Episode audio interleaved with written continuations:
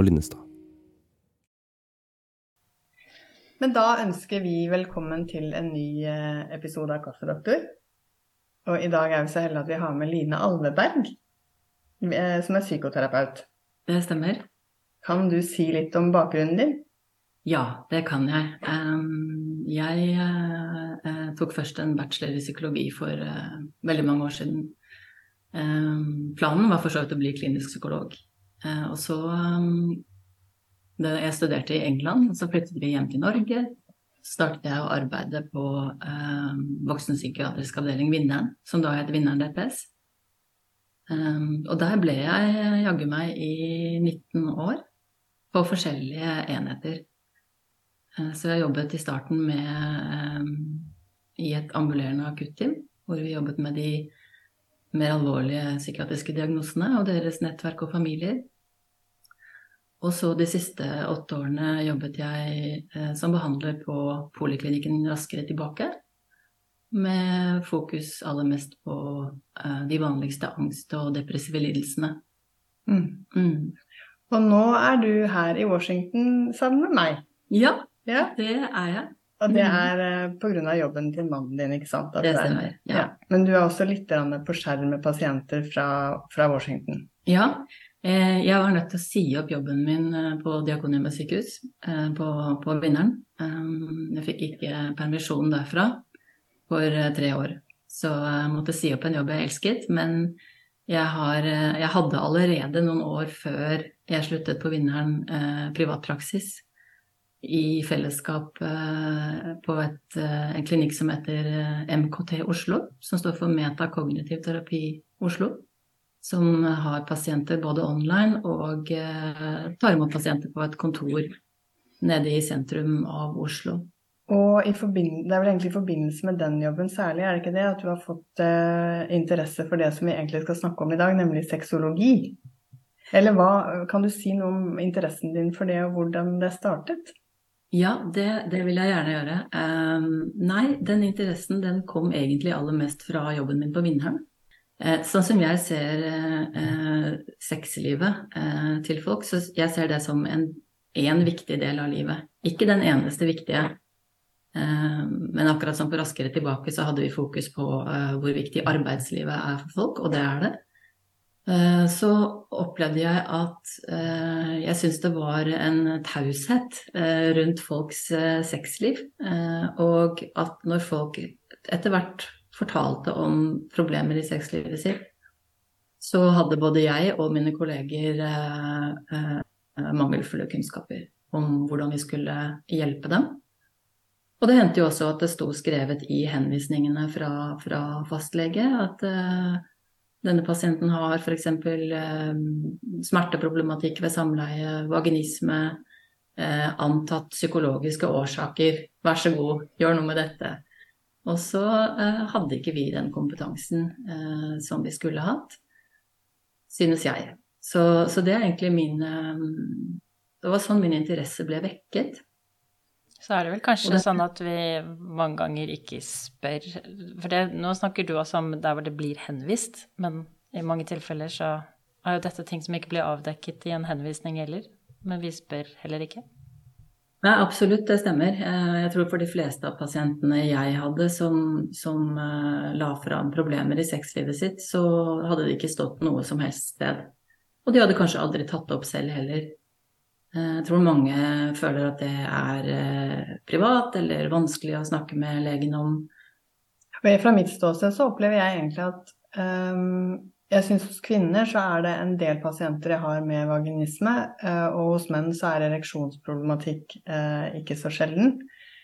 Men eh, som ledd i det så er det jo ofte at jeg henviser for å utelukke somatisk årsak, altså kroppslig årsak.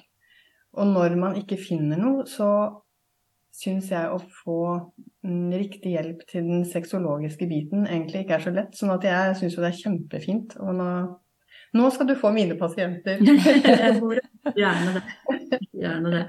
Ja, nå glemte jeg jo helt å si, når jeg snakket litt om eh, meg selv, så glemte jeg jo helt å si at jeg nå er i gang med eh, å utdanne meg til å bli eh, sexolog, eller sex therapist som det heter her borte. på et institutt som heter Modern Sex Therapy Institute, basert i Florida. Så jeg er ikke ferdig med utdanningen, men jeg er omtrent halvveis nå. Mm. Og syns det er enormt spennende å lære om sexologi. I tillegg så oppdaget jeg jo, og det er jo, dette er sånn som jeg ler litt av meg selv for, at jeg burde jo tenkt på dette med en gang, men så fort jeg begynte å ta imot pasienter for sexologisk behandling, for det måtte jeg gjøre med en gang av en veldig dyktig veileder som hjelper meg underveis, så det går fint. Um, så oppdaget jeg jo at uh, her må jeg også kunne litt parterapi. Disse tingene henger sammen. Um, Sånn at jeg har også startet på uh, veien til å bli uh, en såkalt Gottman Couples Therapist. og tar utdanningen til John og Julie Gottman mm. for å lære om parterapi. Så um, det var bare litt sånn mer bakgrunnsinformasjon. Ja. ja, det mm. henger jo sammen. Det er vanskelig å skille, skille de to tingene. De tingene henger sammen, ja. Mm. Mm. Hvis vi skal tenke på hva sexologi er, så Eh, så er jo det eh, læren om og kunnskapen om menneskenes sexliv, eh, fysikken som skal til, atferd, hva er det som fungerer bra, hvordan kan folk få forskjellige problemer, og da aller helst hva, hva kan vi gjøre med, med utfordringer når folk får utfordringer i sexlivet sitt. Kan du si noe om hva som er de vanligste problemstillingene?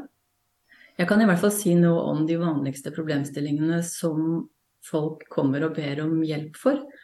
Uh, og jeg sier det på den måten fordi det fins alltid mørketall. Og f.eks. Så er det jo sånn at det er en veldig skjevhet mellom kvinner og menn i, for, i, forhold til dette å oppsøke hjelp. Så når du spør hvem som kommer til meg, så første jeg tenker på er kvinner. det gjelder jo ikke bare for sexologien, men, men generelt også. Men de vanligste problemene er uh, f.eks. Uh, manglende lyst. Um, det kan være manglende lyst hos kvinnen, det kan være manglende lyst hos mannen. Ellers så har vi jo smertetilstander som uh, særlig kvinner kan få, sånn som uh, vaginisme og vestibulitt. Nå vet jeg ikke om man bruker det begrepet lenger. Kanskje du bare kan forklare hva det er? Ja, altså eh, vestibulitt eh, handler om eh, smerte eh, i vulva, altså eh, rundt skjedeåpningen særlig.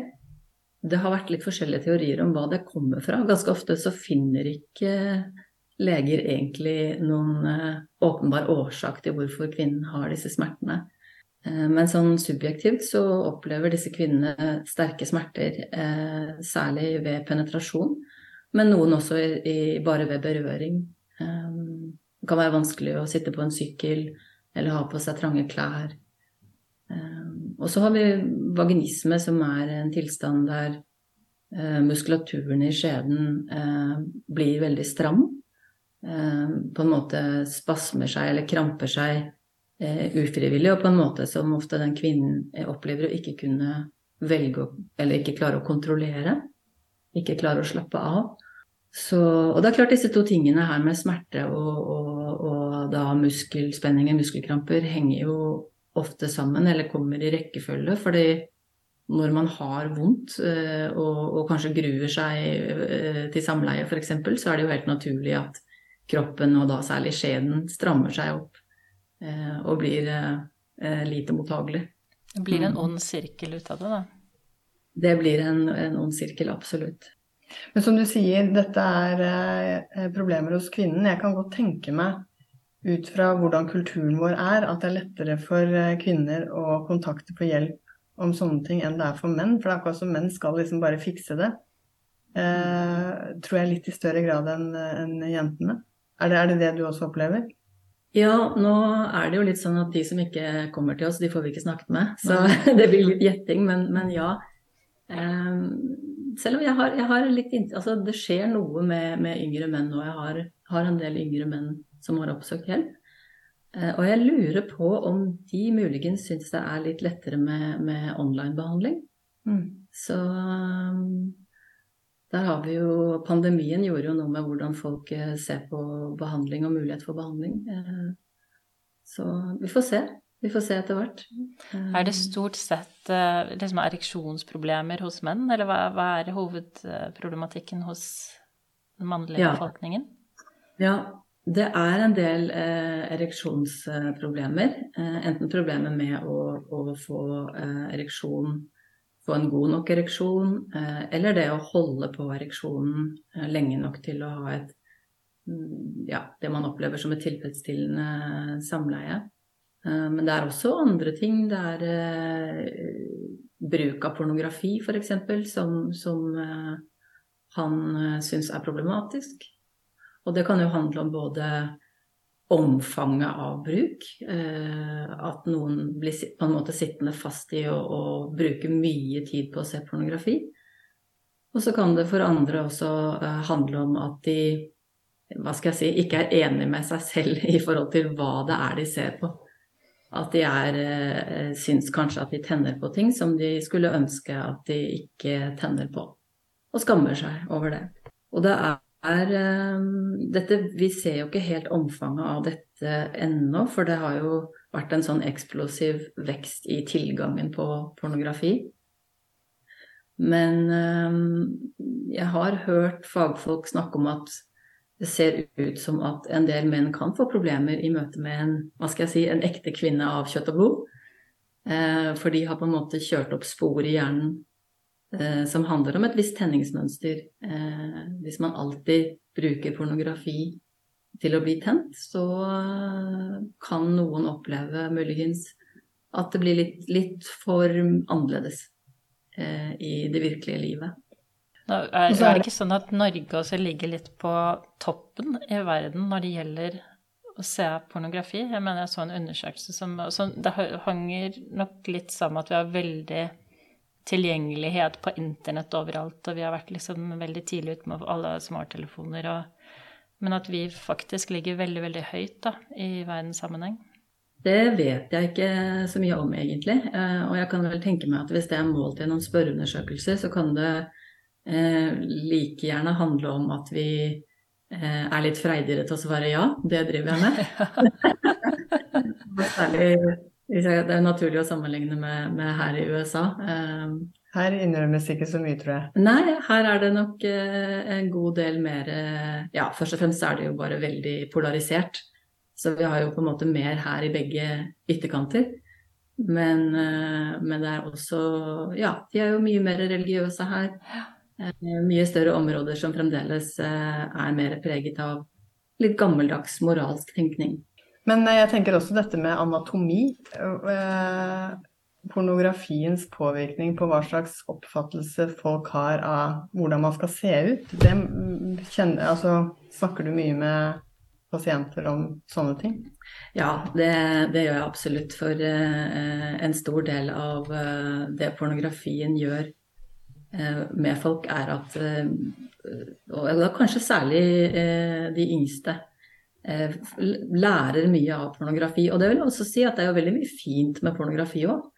Det er mye der ute som kan være til inspirasjon og til glede. Eh, Man kan lære nye tips og triks og finne ut av ting man har lyst til å forsøke å, utvide sitt skal jeg si, seksuelle repertoar. Eh, Men dessverre så er det eh, mye påvirkning fra pornografi som, som gir folk ideer om hvordan kroppen skal se ut, og hvordan den skal fungere. Så f.eks. den økningen av kvinner som ønsker å, å operere på kjønnsleppene, eh, den kan vi jo regne med at handler om hva man ser i pornografiindustrien. Der hvor eh, kvinner er valgt ut spesifikt for sitt utseende, og de fleste av dem er vel også operert, vil jeg tro. Det er bare en gjetting, men det vil jeg tro. Mm. Og så tenker jeg også pornografien er jo lagt opp til at det som gjøres skal være kameravennlig på et vis. Ikke sant? Det skal synes, det skal være Jeg mener en tett omfavnelse vil jo ikke akkurat være så inspirerende for noen andre å se på, kanskje. Så jeg tenker det også Man får et inntrykk av at det, det legges opp til det visuelle på en annen måte enn det som kanskje er naturlig. Ja, absolutt. Og igjen så blir det denne diskrepansen mellom uh, den pornografiske sexen og, og sex uh, i det virkelige liv. Så nå nevnte jeg jo liksom hvordan det påvirker jentene, men det, det, uh, pornografi påvirker jo også guttenes selvfølelse og deres forhold til seksualitet. Så det som alle tror jeg og håper jeg er klar over, er f.eks. dette med størrelse på penis. At uh, pornostjernene er selvfølgelig selektert og valgt ut uh, på, den, på, den, egenskapen. Uh, som kan bli et problem for mange menn, og det blir et overfokus på, på penis sin størrelse. Men også når det gjelder funksjon, at, at vi får dette bildet av at mannen skal alltid ha lyst. Han skal alltid være et sånt kåt dyr som bare må ha hele tiden. Eh, og han skal ha en fantastisk ereksjon og kunne holde på i, i timevis. Eh, og jeg har hatt en del eh, unge menn i behandling som har trodd at noe var alvorlig i veien, fordi de kanskje en kveld opplevde en svakere ereksjon eller en ereksjonssvikt. Som jo egentlig er helt vanlig, for mannen er heller ikke noen maskin. Han, han, kan også ha en dårligere dag eller ha drukket for mange øl eller kanskje ikke ha de rette følelsene i øyeblikket. Men når de da begynner å bekymre og fokusere og bli redd for at dette er et faktisk eh, problem som kan gjenta seg, så, så skjer, kan det dessverre skje at selve bekymringen eh, og den anspentheten eh, som den fører med seg, kan gjøre at man får trøbbel med, med ereksjon. Og det, hvis vi skal gå litt inn på hva du gjør da, når du får denne unge mannen på besøk eller andre eh, med forskjellige typer eh, eh, bekymringer og problemer, hva, hva, hvordan behandler man det sånn rent sexologisk? Ja, det er et interessant spørsmål. Fordi eh, en ting som kanskje overrasket meg litt eh, nå som jeg er i gang med å studere sexologi, det er at eh, vi får i ganske liten grad en sånn mal og oppskrift for eh, hvordan dette skal gjøres. Eh, og så vidt jeg har skjønt, så er dette også noe av problemet for norske helsemyndigheter når de ser på, på muligheten for å, å, lage en sertifisering for tittelen sexolog. Og så handler det også om at folk som søker å studere sexologi, kommer jo fra veldig forskjellige retninger innenfor eh, terapeutisk metode. Sånn at jeg, jeg studerer jo sammen med folk som driver eh, bare f.eks. klassisk kognitivt, eller bare psykodynamisk behandling. Eh, sånn at i hovedsak så lærer vi veldig mye om eh, menneskenes sexliv og eventuelle problemer. Eh, og litt om hvordan vi skal jobbe med det, men jeg skjønner etter hvert at det er mye opp til Eh, den enkelte terapeut å flette dette inn i eh, den terapiformen man er god på fra før. Men f.eks. hvordan jeg vil eh, angripe det Jeg tror, Sånn som jeg ser det, da, igjen så er sexlivet sidestiller jeg med så som en av mange arenaer i menneskenes liv som kan påvirke hvordan vi har det. Så jeg ville sett på hva gjør oppmerksomheten Eh, på problemet med deg? Eh, bruker du mye tid på bekymring rundt dette? Eh, og kanskje ja, sånn som vi gjør med, med, med hva skal jeg si, f.eks. generalisert angstlidelse. Altså å hjelpe folk å redusere uheldig maladaptivt fokus på uh, symptomer eller på, på bekymringer. Da. Hvis man har hengt seg opp i en bekymring som egentlig ikke er eh, vel verdt å bekymre seg for. I den grad noe er vel verdt å bekymre seg for. Jeg tenker i det man eh, Det er ikke mye. Det er ikke så veldig mye. eh, jeg tenker det å komme inn og bryte de onde sirklene der folk har eh, Hvor bekymringen i seg selv blir problemet. Det må vel være en, en, en del av det, vil jeg tro. Absolutt. Absolutt. Men, men, på samme måte som uh, terapi for uh, alle andre typer problemer, så, så er det jo en, en, et helhetlig blikk på situasjonen. Uh, så det er ikke bare fokus på, på tenkning og, oppmerksomhet, men, men, også på handling. Hva kan du gjøre for å få, få til det du vil? Kan du si noe om For jeg tenker når, når noen kommer til deg med disse problemstillingene, så er det vel noe med å først kunne skille det litt i to sekker. ikke sant? Er det, er det en fysisk problemstilling? Handler dette om om noe sykdomsrelatert eller medikamenter, eller er dette psykologiske um, mekanismer? Kan du si noe om det? Føler du at folk eh, som kommer til deg, er um, de er ferdig med å utelukke det fysiske, eller, det, eller må du ta tak i det også? Ja, det er jeg veldig glad for at du spurte om, for det er kanskje noe av det jeg eh, tenker at eh, en sexologs Eh, viktigste rolle blir. Eh, og at dette er et fagområde hvor samarbeid mellom lege, gynekolog, androlog eh, og sexologen er ekstremt viktig. Det skal ganske grundige undersøkelser til, tenker jeg, for å avklare om det er noe fysisk i veien.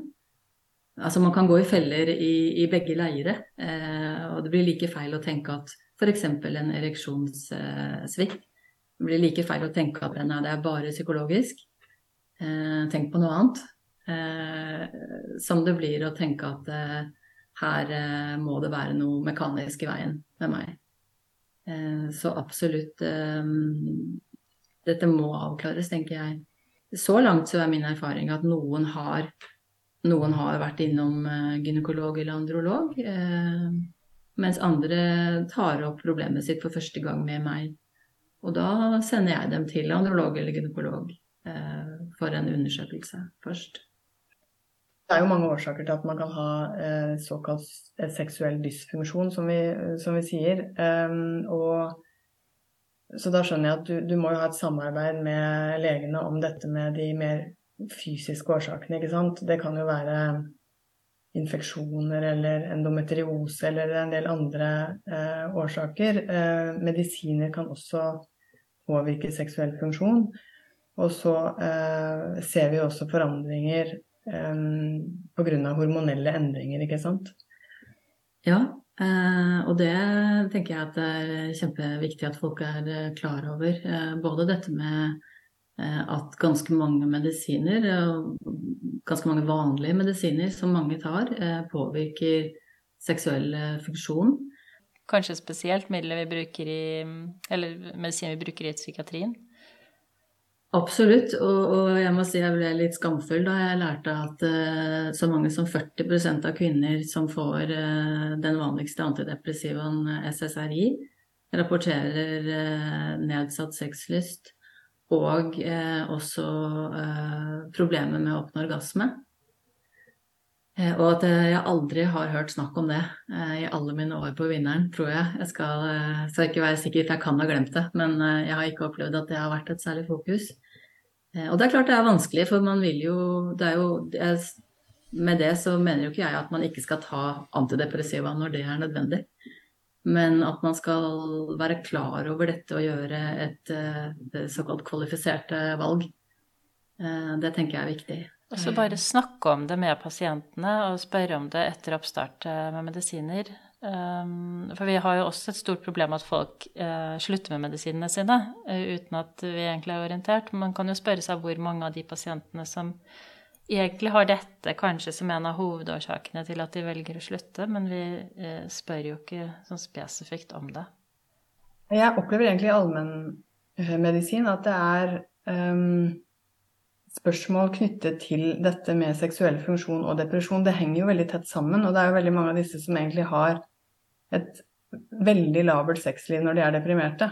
Uh, og da syns jeg det er naturlig når man starter medisiner å si at dette påvirker seksuell funksjon, og da syns jeg de fleste sier at eh, vet du, det er ikke tema nå, for når jeg er så deprimert, så funker det ikke uansett. Så det er jo noe med på en måte Men vær da oppmerksom på at um, antidepressiva kan påvirke det. Men de fleste opplever jeg da at de likevel ønsker det fordi de har så dårlige funksjoner, de er deprimerte likevel.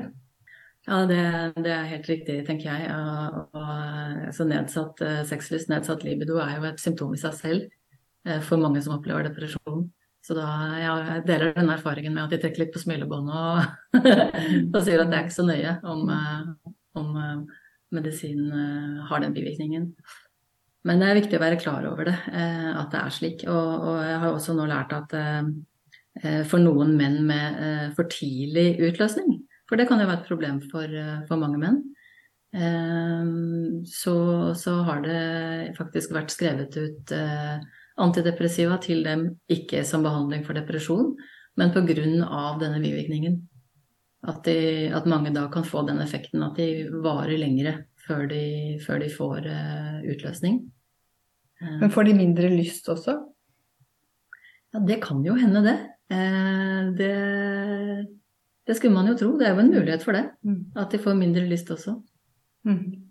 Det, og det blir vel veldig Nå er jo både virkning og ikke minst bivirkning veldig forskjellig fra pasient til pasient, da. Så det må vel prøves på den enkelte. Ja. Mm. Og poenget er vel bare det at man må være åpen om uh, mulige endringer, sånn at man er klar over det. For som Kristin også sier, at um, hvis pasienter begynner på medisiner de tror har én eh, effekt, og så viser det seg å ha bivirkninger de ikke var klar over, så, så vil de ofte slutte med det. Mm. Kanskje du kunne si litt om Nå hadde vi jo en episode om overgangsalderen her for litt siden. Kanskje du kan si litt om kvinner og overgangsalder og sexologi? Det vil jeg veldig gjerne. Um, og det, jo, det er jo mange ting som spiller en rolle der. Eh, ikke minst eh, kulturelle forestillinger. Det spiller en stor rolle, hvor, eh, hvor, det i hvert fall her borte er en slags forestilling mange har om at da er sexlivet over. Da er man ferdig med den delen av livet. Og så er det jo sånn for, for kvinner at hormonnivået dropper ganske dramatisk ved overgangsalder. Og dette spiller en rolle for uh, sexlyst og, og, funksjon også, seksuell funksjon. Så der er det mye, mye som kan endre seg for, uh, for kvinner. Men så mange kan plages av tørrhet og sårhet i slimhinnene. Mange kan hjelpes av noe så enkelt som vanlig glidemiddel.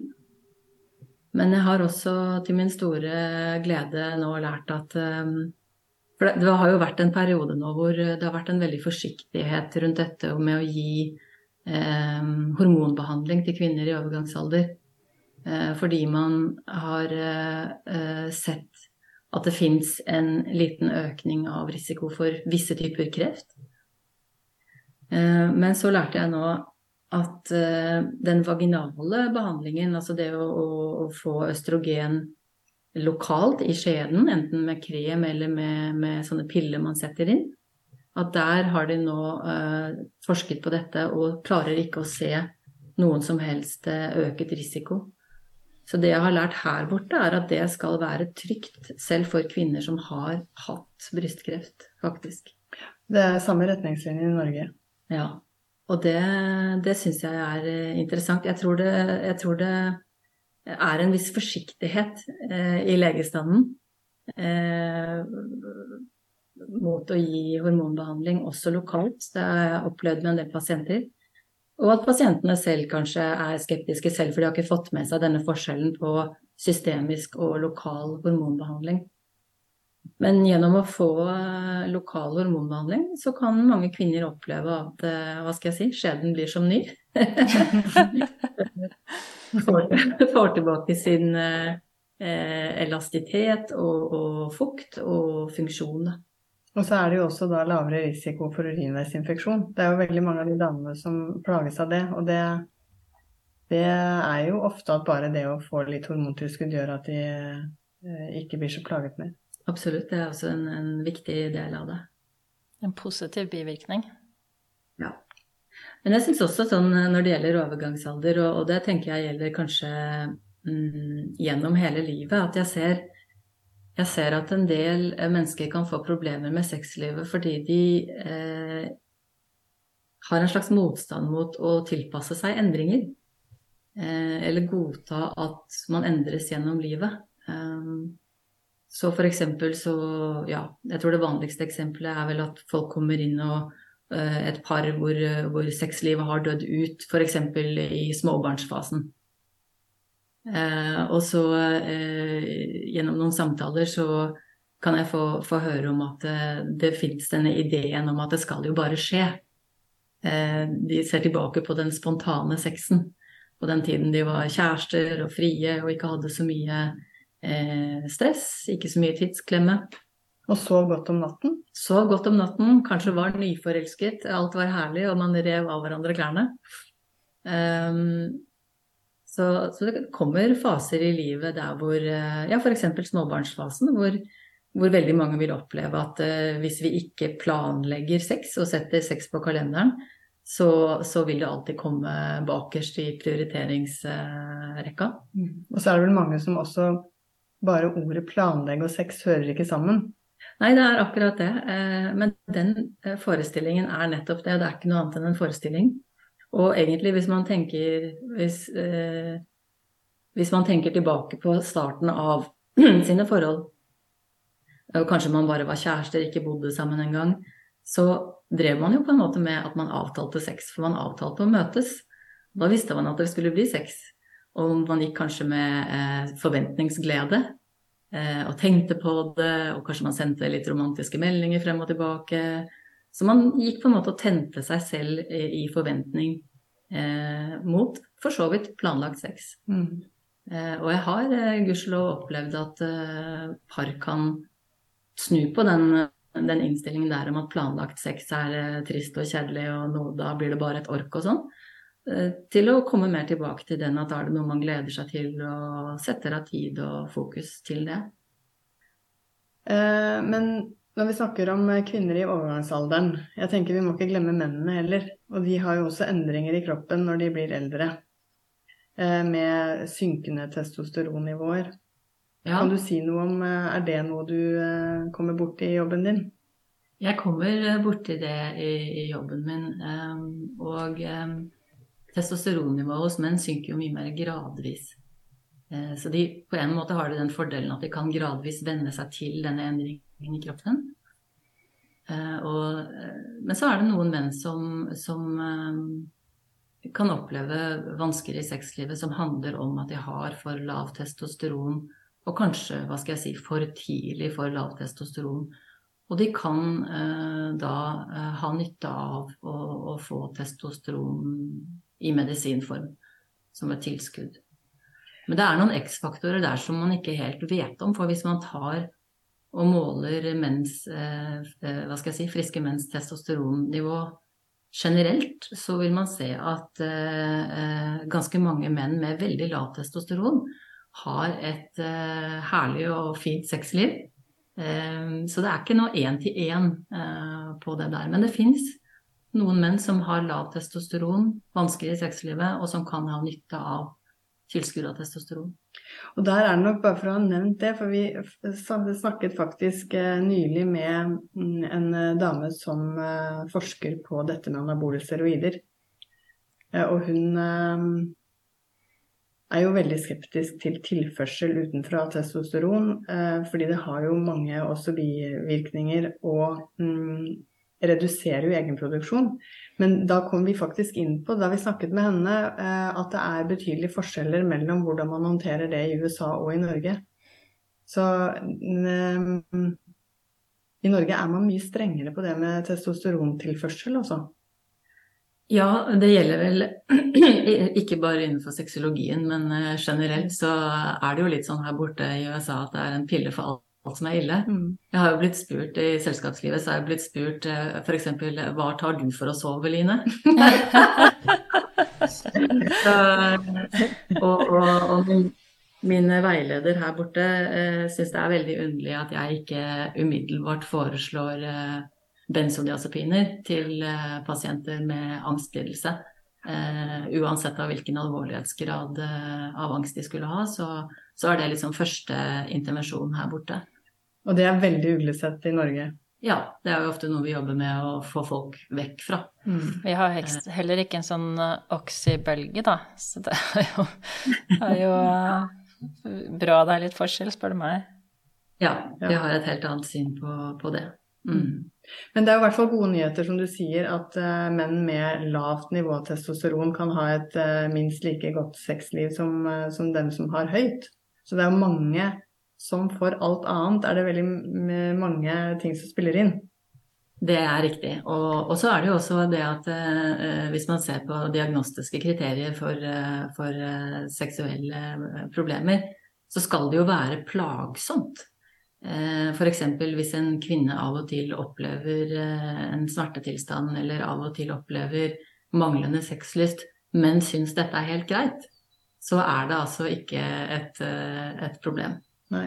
Eh, Og samme med en mann. Hvis en mann eh, kanskje litt opp i alderen opplever av og til eh, at ereksjonen ikke var som den var da han var 20, men han er komfortabel med dette og finner andre måter å, å glede både seg selv og, og eventuelle partnere på, så er ikke dette et problem.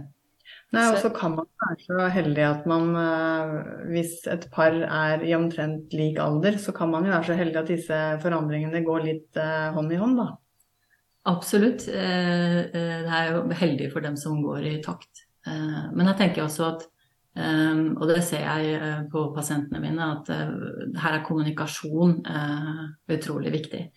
Og jeg er litt forbløffet over at par og mennesker som, som rapporterer at de er veldig åpne og de er veldig vant til å snakke godt sammen og kan snakke om alt, syns likevel at det å snakke om sexlivet er eh, vanskelig, kanskje noe de slett ikke gjør i det hele tatt. Men det er klart at eh, selv om folk har vært sammen aldri så lenge og delt pute i, i x antall år, så, så er det sånn at eh, kommunikasjon eh, må til. Eh, og ja, det er en ting som har eh, vi, vi har faktisk eh, en del å lære av eh, BDSM-miljøene når det kommer til kommunikasjon. Og dette har fascinert meg. Eh, For eh, i BDSM-miljøene så er det eh, mange regler eh, og en kultur for å snakke sammen og sette standarden på forhånd før man går i gang med det de kaller et play, da, eller seksuell aktivitet. Hvor eh, man setter seg ned og avtaler 'jeg vil ha det slik', eh, 'jeg vil gjerne at du gjør det', 'jeg vil gjerne ha den pisken, men ikke den'. Jeg vil ha det sånn og slik, og jeg har lyst til å gjøre dette og dette med deg. Eh, vi skal snakke sammen på denne måten. Eh, ja, så de er vant til eh, eh, å kommunisere mye, mye tydeligere enn det eh, jeg vil tro folk flest eh, gjør. Så der kan hvermannsen ha litt å lære, faktisk. Det slår meg bare litt at det er et miljø hvor det sannsynligvis er veldig lite skam knyttet til det, til seksualitet, da. Eh, For de tøyer jo grenser, og de eh, er utenfor eh, de fleste andres komfortsone. Jeg mener, det er jo ikke mer enn 100 år siden man på ingen måte kunne snakke om eh, ting rundt seksualitet i et forhold.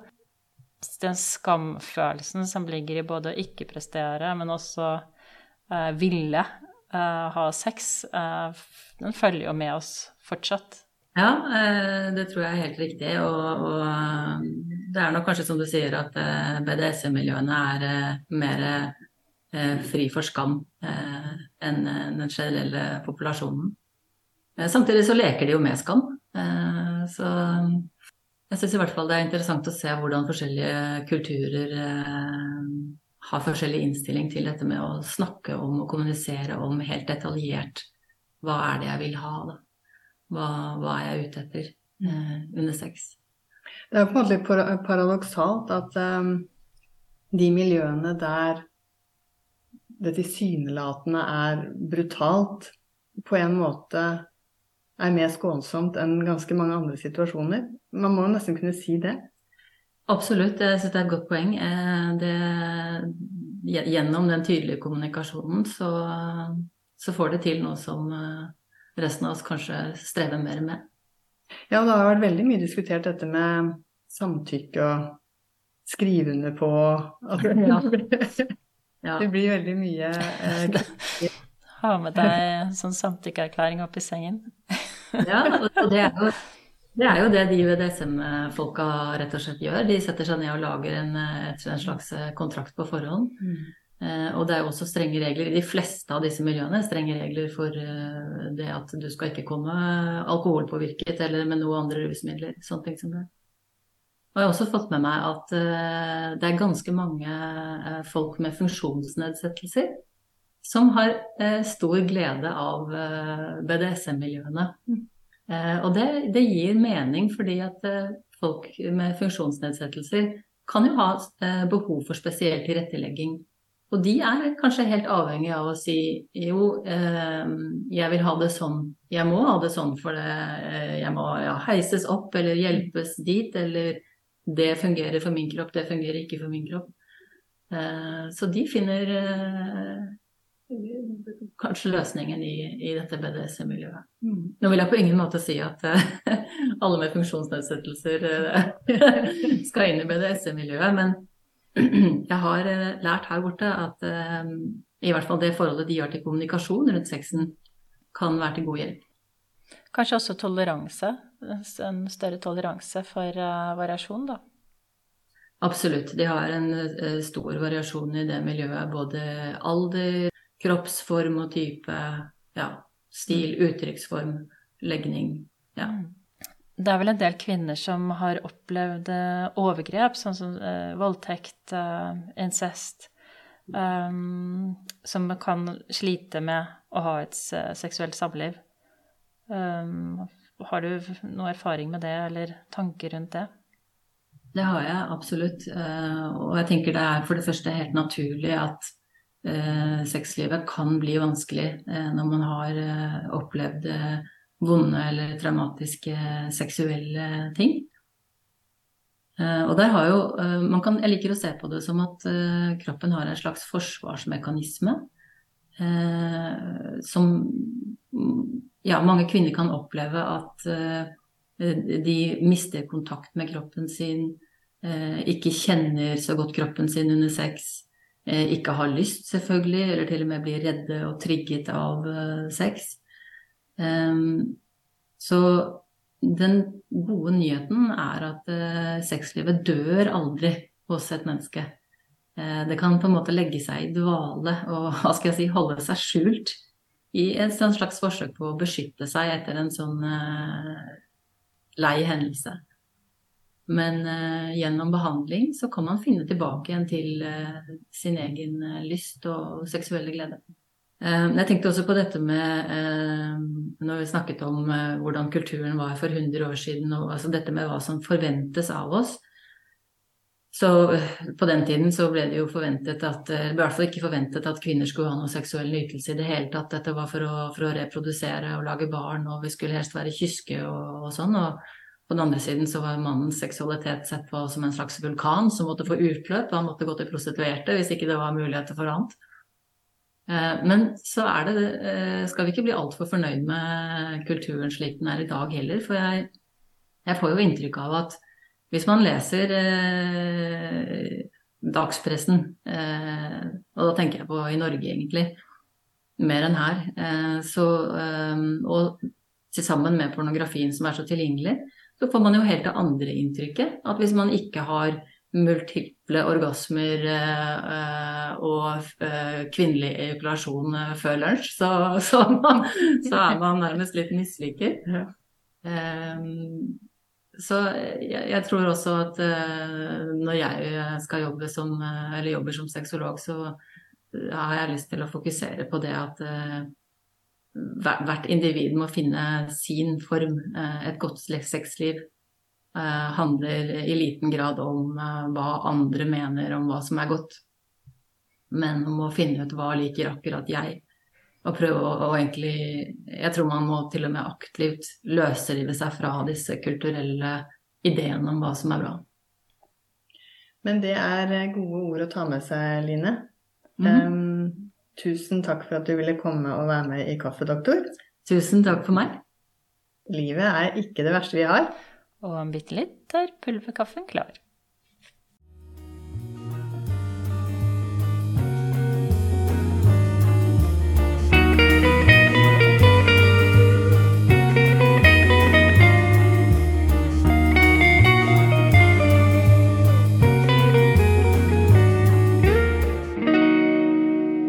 Kaffedoktor med Rom og Linnestad.